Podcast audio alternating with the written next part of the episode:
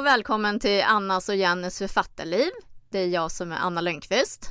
Och det är jag som är Jenny Faglund. Hej Jenny, hur är läget? Hej! Jo men det är bra. Jag kom ju hem från eh, Frankrike eh, ganska nyligen. Så jag har precis eh, börjat landa här i vardagen igen och eh, beta av mejl och möten och massa sånt. Ja, jag följde ju dig på, på avstånd som kanske en hel del andra gjorde. eh, det rullade ut på Instagram bland annat och det såg ju otroligt härligt ut.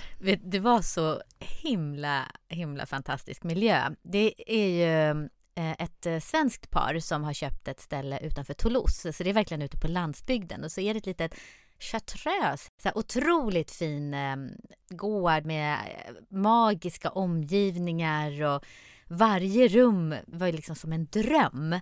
Ja, det var det. Ja, men det var det. Och det var så, ja, men jag som älskar att fota, det... Ja, det såg verkligen ut som var perfekta fototillfällen. Ja, men jag har ju fotat och fotat och fotat och jag kände ett tag att oj, nu håller jag liksom på verkligen spammar Instagram med alla bilder ja. härifrån. Men du höll ju kurs också, du höll ju ja, det jag. Eh, ja, syftet med vistelsen var ju att jag skulle hålla en skrivkurs. Och det var ju supertrevligt. Och då delade man ju upp dagarna. Så att vi hade skrivkurs med massa övningar och så. Och sen så eh, var det både tid för eh, vila, återhämtning, vi låg vid poolen någon dag, sen var vi och besökte någon marknad och vi var på vinprovning och besökte en så här ekologisk vingård, eh, vilket var Just jättespännande. Det. Och besökte någon by och stad, så det känns, känns som att det var verkligen så här maxat med härliga upplevelser. Och så eh, hade jag min väninna med mig, Kristin, som är yogalärare. Och ja, hon höll en del yogapass på morgonen också. Så det var en sån perfekt start på dagen att bara gå ner och så var det medieyoga tror jag det heter. Där det är okay. lite så lugnare och ja, eh, så här skön stretch kom igång på morgonen. Ja, vad härligt. Inte mm. sån här uh, jättefysisk utmanande. Nej, men precis, utan Nej. mer bara väcka kroppen, stretch. Ja, så skulle man göra varje ja, morgon. Härligt. Ja, verkligen. Gillar man du yoga? Man, Eh, ja, alltså jag gillar det, men uh, jag är inte någon som direkt uh, utövar det sådär, utan men man borde. Jag tänker också många gånger just på morgonen att det vore mm. perfekt att inleda med sån här morgonyoga och det finns ju så många olika appar och allt möjligt man kan använda sig av. Ja, men precis. Men då antar jag, om jag tänker på en lägesrapport för dig, då, vad finner du på en skala någonstans? Ja, men just nu jag är ju alltid sån här som inte aldrig säger så här full pott. Nej. Glaset är aldrig riktigt. Nej men då blir det så här nio. Men jag, nej men jag tror faktiskt att det är en tia. Jag, eh, jag har haft så här en fantastisk vecka förra veckan och eh, sen var det så himla mysigt att komma hem till familjen och hunden och ja, jag har, gud jag har en sån här skräckhistoria att berätta. När jag, sista dagen jag var i Frankrike så ringer min eh, näst yngsta son och bara gråter och är helt förstörd. De var hade åkt ner till Båstad och så berättar han att Sigge är borta, alltså vår hund. Och jag sitter Usch, i Frankrike och han är helt förtvivlad och de har letat. Då hade de letat kanske 20-30 minuter utan att hitta honom. Och jag får panik och hjälp, vad ska jag göra nu? Och så finns det såna här, du vet Facebookgrupper så här, vi, ja, just det. Eh, och så här, det som händer i Båstad tror jag den hette eller någonting. Och så tänkte jag om jag får gå ut och lägga ut en efterlysning på honom. Ja. Och sen så, och, och jag var ju så jättestressad och försöka hämta datorn och, och komma ut där på nätet och hitta rätt grupp och så. Och sen så ser jag precis när jag ska lägga ut, då ser jag att någon hade, har lagt ut en bild på Sigge och så här, ja den ja, här lilla herren eh, kom springandes på den här gatan. Ja men otroligt. Så hade hon tagit hem honom. Mm, och, och sen ringer Willy samma och så bara vi har hittat honom och så hör man Patrik i bakgrunden hur han pratar med någon så i telefon. Men, ah, okay. Alltså den paniken när ens Ja det förstår jag, mardrömmen. Ja. Ah. Ja vilken tur att, eh, att det finns sådana där grupper faktiskt. Ja men verkligen. Man mm. tänker ofta så här, eh, det blir för många grupper så det blir nästan så spam. Men, ja men precis. Eh, som du säger, när man väl behöver, behöver mm. det så. Ja så är det super. Väldigt bra. Hur, hur är det för dig då? Vad, vad har hänt i ditt liv och hur är eh, lägesrapporten här? Jo, men jag ägnar mig åt bland annat att flytta hem sonen. Ja, Han äh, pluggar ju i Uppsala och ska ju flytta, eller har ju nu flyttat hem över sommaren. Ja, just det. Så vi skulle tömma lägenheten som han hyrde i andra hand. Och nej men det gick faktiskt över förväntan. Jag, allt fungerar med hot höll jag på att säga. Man, nej han hade väl trott att vi skulle komma dit och liksom hjälpas åt att packa och allting. Men jag sa, men vi, då ska det ju liksom vara klart. Då ska ju du ha packat när vi kommer. Så jag skickade med honom, han var hemma dagen innan och mm. hämtade bil, en, en av bilarna då. Eh, så jag skickade med honom flyktkartonger och resväskor och allt möjligt som han skulle packa i. Men jag trodde ändå inte att han skulle liksom, ta tag i det. Så jag förväntade mig att vi skulle få liksom packa halva dagen och sen börja bära ner. Men han var ju klar så vi kunde direkt börja bära ner till bilarna. Wow, vad bra! Ja, så jag är faktiskt imponerad. Ja, men det förstår jag verkligen. Jag såg också att du hade lagt ut bilder från Skokloster var det va? Ja, ja men där hade vi en jättehärlig dag. Det var mm. dagen efter. Jag, sonen och dottern åkte dit på den här klämdagen. Eh, och det var, jag vet inte, det är så himla underbara miljöer där också tycker jag. Vi brukar alltid åka dit minst en gång varje sommar. Och sen har vi också så jättehärligt café där med goda mm. räksmörgåsar, eh, vaniljbullar som är verkligen så här to die for. Och sen gjorde vi en liten sån här kändisspaning där också. Ah. eh, och såg Yoga Girl som eh, wow. tydligen bor där i närheten, eller okay. Sigtuna någonstans. Uh. Så det var lite så kul ändå, för hon är ändå två miljoner följare på Instagram och så. så att... ja, det är ju häftigt hur hon har byggt upp ja. sin... Ja, verkligen. Ja, vad kul. Sådär. Och var befinner du på skalan då? Nej men eh, jag är ju också lite likadan som dig. Alltså, det kan ju nästan aldrig vara på alltså 10 på skalan men Nej men Varför åtta då. så? Åtta? Jag vet inte. Men visst är det lite konstigt? Är man skeptiker eller man vill liksom inte ta ut något, man tänker så här, men det kan alltid bli lite bättre. Så tänker jag. så att, Ser jag tio nu då tror jag liksom ut i förskott om det blir ännu bättre. Ja, Nej men det är väldigt bra. Ja, något att säga då. Ja men vad härligt. Ja men så ja. Vi, vi ligger i topp i alla fall just nu på ja, läges, lägesrapporten.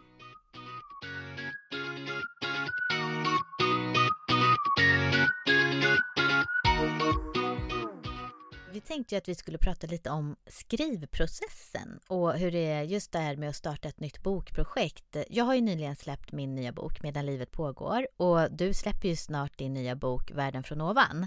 Och du har ju verkligen kickstartat ditt nya projekt och jag har ju planerat ganska mycket och skrivit lite här och mm. där. Men det vore lite spännande så här, hur, hur gör man när, när manuset är skickat till tryck? Och brukar du vila en stund innan du sätter igång igen eller kastar du dig genast över ett nytt projekt? Det är faktiskt helt olika. Och jag tror att det beror lite på vilken bok man skriver och ibland, vissa böcker är faktiskt tyngre att skriva av olika anledningar mm. än andra. Så att eh, efter förra boken då hade jag faktiskt en eh, flera månaders lång paus. Aha. Och jag bara kände att jag behövde ja, men liksom landa lite och få inspiration och mm. ja, skapa pepp inför nästa bokprojekt. Men den här gången däremot så har ju redan eh, hunnit en bra bit på väg och började ju i princip nästan direkt efter förra boken då. Var det för att du hade manuset så inom dig då eller var det något annat som gjorde Eh, nej men, ja men det var väl eh, flera anledningar. En var väl att jag hade en idé som jag kände att eh, jag var pepp på att börja skriva. Och den andra tror jag helt enkelt var att eh, ja men den här boken gick lättare att skriva, Världen från ovan, än den innan. Inte för att det liksom någon historia, jag tycker om den ena eller den andra mer eller liksom så, men eh, ja det var liksom mindre, ska man säga, energikrävande. Så jag hade energin och började direkt. Så jag tror det var mm. mer var det. Vad kul. Och, och när du börjar planera sådär, ähm, har du liksom mycket planering eller kör du bara på sådär utan att veta egentligen vad det ska vara och handla om? Ja, men jag är ju jag är ingen sån här äh, som gör ett äh, jättestrukturerat synopsis. Däremot så måste man ju ha någon slags grundidé. Mm. Vad, vad man vill berätta. Och eh, den här gången började jag också med att göra ganska mycket research. Mm. Eh, eftersom eh, den kräver det, för jag kommer skriva om en person som inte alls gör det, det jag gör. Så att då börjar jag med det också. Och då får man ju också mycket idéer tycker jag genom mm. research. I alla fall jag, att, att man får uppslag vad man kan skriva om. Men jag är ju sen en sån här liten, vad brukar man säga? Man brukar kalla det något, baksätesskrivare tror jag man kan något sånt där. Mhm. Att eh, jag börjar skriva och då dyker de här riktigt bra idéerna upp för mig. Men det har ju tagit tag för mig att komma fram till det. Och det är lite jobbigt också för att jag måste lita på att det är så. Helst vill jag ju ha, jag, den här gången till exempel försökte jag först sitta och verka fram en, ja du vet, riktigt bra, att jag skulle ha allting på plats i princip, en riktigt bra story från början till mål. Men eh, det, det går liksom inte. Men vi kanske gör lite på samma sätt, just att man Mm. planerar en del. Jag brukar i och för sig ha ganska tydligt sådär, ähm, ja men ganska så kortfattat synopsis där jag vet vad det ska handla om. eh, Hur den ska börja och vad som kommer hända i mitten och slutet. Jag, ehm, vilka, vem det ska handla om. Och Oftast är bikaraktärer och lite vad de har för funktion brukar jag ha med också. Och Ja, sen precis. miljö som jag vill skriva om. Ehm, så det där, men sen så håller jag med om just det här att det är nog under de så här första, jag vet inte, men så mellan 70 och 90, 100 sidorna. Det är där jag lär känna min berättelse och det är där jag lär känna min story och mina karaktärer. Mm. Och det kräver ju också att jag många gånger behöver redigera om inledningen ganska mycket. För att det är just där, för det är en sån här lära känna process. Och, och sen när man har ja, men gjort det här och skrivit det här, då bara yes nu, nu känner man hela storyn. Precis. Så. Men sen Ja. är det lite olika tycker jag. Som, ja, men just som du säger, olika manus också. Mm, när jag skulle skriva Medan livet pågår, jag berättade ju lite där att den bara bubblade ur mig och sådär. Men då hade jag ändå gjort eh, en, en sorts så här, eh, dramaturgisk kurva för den. Och hade köpt sånt här målarpapper, berättade jag det sist? Vet Nej, inte. det berättar jag inte. Eh, att jag hade sådär målarpappret. målarpapper på, eh, som man köper på Ikea till barnen. Och så hade jag ritat upp där lite så här vad som skulle hända och sen klistrade jag upp den på väggen. Sen blir det ju så här att inget är hugget i sten utan jag kan ju ändra mig ganska mycket. Så det tyckte jag faktiskt var jättebra att göra den där, ja men den här visuella delen. Men det tror jag är Ehm, superbra, för det har jag också gjort någon Mm. gång. Särskilt om det är lite knivigare och man inte vet exakt. Nej, Också kanske ibland när jag kommer en bit på väg som jag har gjort det. Och tänker att nej, men jag vet ungefär vad som ska hända men kanske inte när. Eller hur påverkar det resten av berättelsen?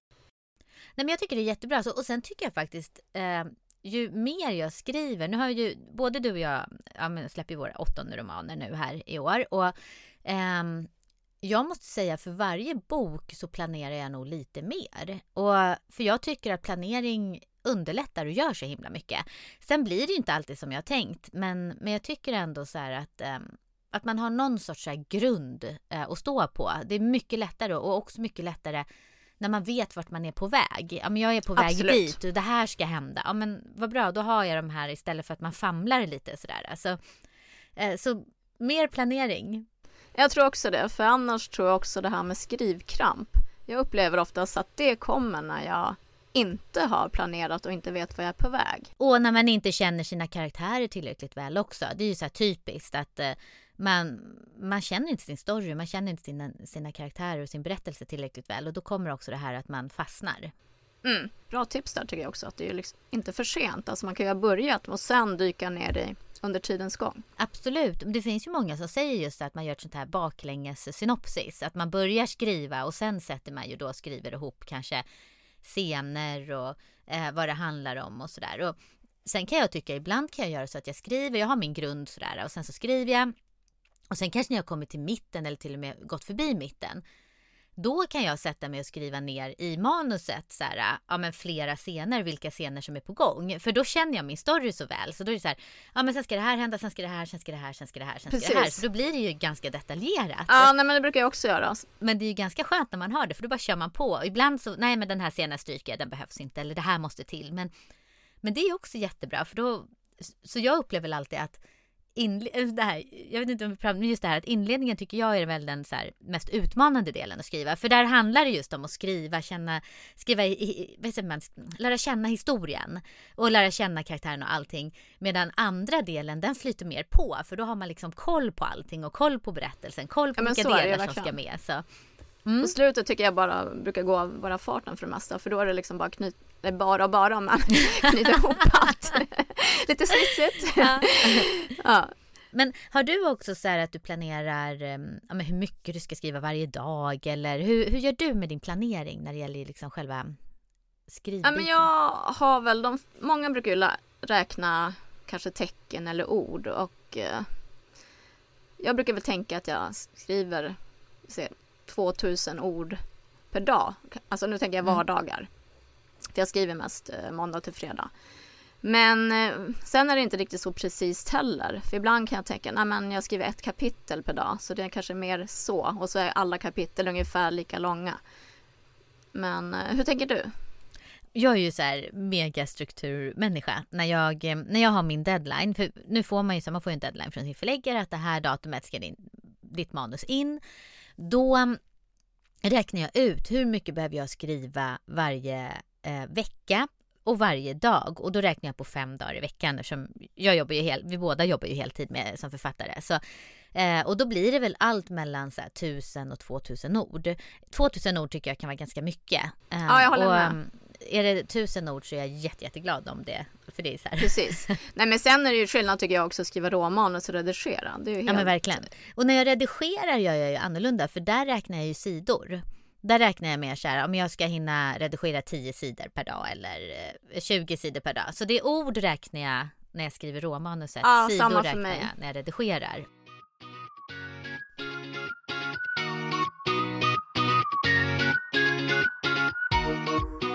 Jenny, vi har ju fått ett äh, läsarbrev till den här gången. Ja. Och en äh, intressant fråga som vi tänkte ta upp.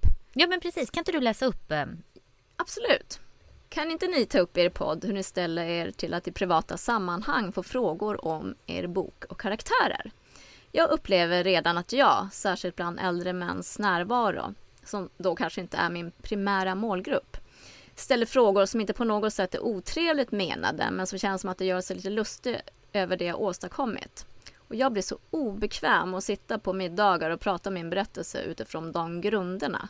Vill helst inte prata om mina berättelser alls på annat sätt än under arrangerade tillställningar. Kanske konstigt. Men känner ni igen er? Mm. Kram och trevlig sommar.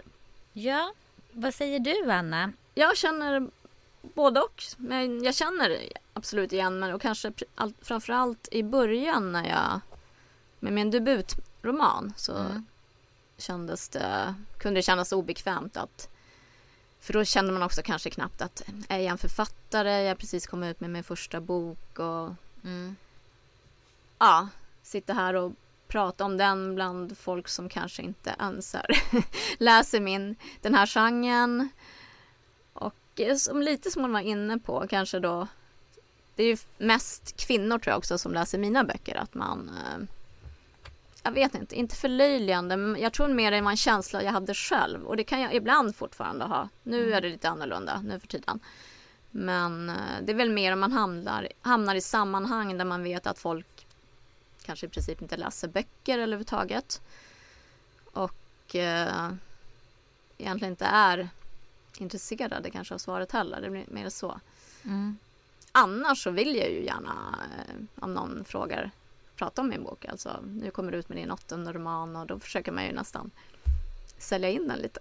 ja men precis. Nej, men jag kan väl ehm, just så här, där jag är och befinner mig idag, då sitter jag ju gärna och pratar om mina böcker och sådär. Mer kan det ju vara ibland så här, åh men vad handlar den om? Och så eh, kanske det är någon ganska ny bok eller något nytt och så, åh men hur ska jag förklara det här på ett bra sätt? Eh, Precis. Lite så. Eh, men men jag tycker ju oftast om att, att, berätta om mina böcker och prata och tycker oftast att jag får väldigt, eh, ja men att man bemöts på så respektfullt sätt och så.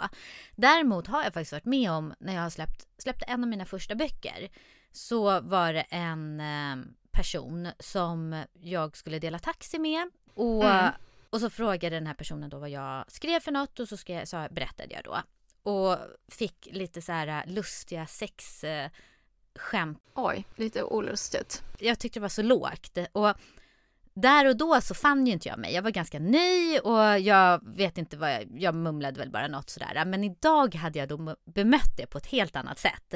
Ja. Men idag så känner jag att jag har men en helt kanske annan trygghet i och jag vet vad feelgood är, jag vet vad det står för, jag vet att det finns så mycket fördomar om genren som kommer från de som faktiskt inte läser genren. Ja, men det är väl så. Men jag förstår verkligen eh, alltså frågan och att, eh, mm. att man kan känna så. För jag har nog också varit med om att eh, fortfarande att en del ja, gör sig lite lustiga. Alltså jag skriver ju, jag kan ju kalla mina för berättelse för romantisk feelgood och det är ju alltid en central kärleksberättelse. Och börjar man liksom prata om den delen då blir det kanske främst män som ibland ja, vill förlöjliga sig lite eller någonting som inte alls är från den här världen då. Det gäller att hitta sina så svar och vad man kan ha och, och hitta någon trygghet i det och, och också kanske ja, men ställa motfrågor. Ja, men hur menar du mm. nu? Eller vad, vad, menar du när du säger sådär? För det tror jag kan Precis. ställa folk att oj, ja. eh, sådär, bli lite paffa. Men jag ja. måste säga att eh, det var länge sedan som, som jag möttes på det sättet. De allra, allra flesta är väldigt intresserade, väldigt engagerade och nyfikna och så. Och det, och det är ju roligt att prata om böckerna. Det är roligt ja. att prata om karaktärerna och skrivande. Ja, jag, verkligen. Jag kan ju sitta och prata hur mycket som helst om det känner jag.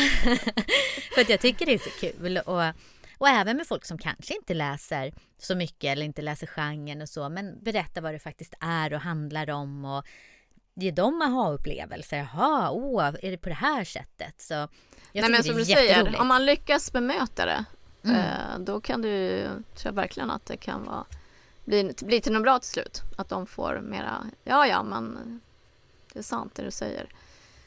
Ja, spännande. Ja, men eh, skicka gärna in fler frågor. Det är ja, jättekul. roligt att prata om. Ja. Och, eh, nu börjar vi ju faktiskt närma oss slutet. Vi har ju pratat på som bara den här. Och eh, vi har ju lite så här veckans pepp och eh, vad som har varit en utmaning i veckan. Så mm. vad, vad, har du? Ska vi börja med utmaning den här gången kanske? Har du, någon, ja. har du haft några utmaningar den här veckan? Eh, nej men utmaningen är väl ändå nu att det var en jätteskön långhelg men nu känner jag verkligen att det börjar rampas upp inför skolavslutning och mm. sommarledighet och jag börjar faktiskt tyvärr känna mig lite stressad. Alltså det är så mm. mycket Alltså inte bara skrivmässigt och att jag ska släppa en ny bok utan du vet allt privat det är utflykter och avslutningar till höger och vänster. Så att det är liksom den mest hektiska tiden och det är matsäckar som ska fixas. Så, så det är väl det lite grann när man känner att uh, ändå försöka andas här mellan varven. Gud, jag, jag känner igen mig så mycket i det du säger och jag får kanske så kopiera dig. Eh, det är nog min utmaning också. Just det här att hinna med nu har jag ju varit borta en vecka och um, det är mycket event, det är som man har själv, eh, man har precis släppt en bok, så det är mycket kring det, mycket jobb och sen jag ska faktiskt eh, ja, stå på och sälja bullar på skolan. Det är ja, det ska du. Ja. ja, gud ja. Och jag ska baka bullarna också, herregud. Eh, jag, får nästan lite ångest när jag... Ja, jag förstår. Ja, när, du, på, när du påminner mig. Ska bakas till skolavslutning, ja. ja. Det är svettigt. Ja, det är svettigt. Mm. Svettigt och fira in sommaren. Ja men precis. Har du någon sån här veckans pepp då? Något eh, kul som har varit extra roligt? Ja men veckans pepp är ändå att jag känner att det är närmar sig boksläpp. Vad är det? Tre veckor kvar ungefär. Så att eh, det är mycket inför det om man känner förväntningarna byggas upp nu. Mm. Så att eh, det känns ändå väldigt peppigt måste jag säga. Ja vad härligt. Du då? Veckans pepp? Eh, att jag äntligen ska få rida igen. Jag har ja. inte hunnit rida nu. Eh, förra veckan var jag som sagt bortrest och sen veckan innan det var det fullt upp med boksläpp. Och, så det blir tre veckor som går så här mellan. Ja just det. Och så nu bara, åh jag längtar och det ska bli så härligt. Ja, så ridningen är min pepp den här veckan. Ja. Men jag tänkte lite så här nästa gång då ska vi prata om författarliv under sommaren och hur får man ihop det här när barnen är lediga eller det kanske är massa annat på gång och det är semestrar och så. Och vi eh, tänkte prata lite om hur vi hittar strategier för att balansera författarlivet och familjelivet. Det är en ständig utmaning. Ja, det är inte alltid helt lätt. när alla är eh, lediga. och eh, ja, men prata lite kring, kring det egentligen. Och också det här med att vara författare, att det är ju inte bara skrivande det handlar om utan det är ju så mycket mer vi Precis. gör också. Ha det jättebra Anna och ha jättekul alla som lyssnade på oss och ha det superslänge. Detsamma, så hörs vi. Hej! Ha det bra. Hej!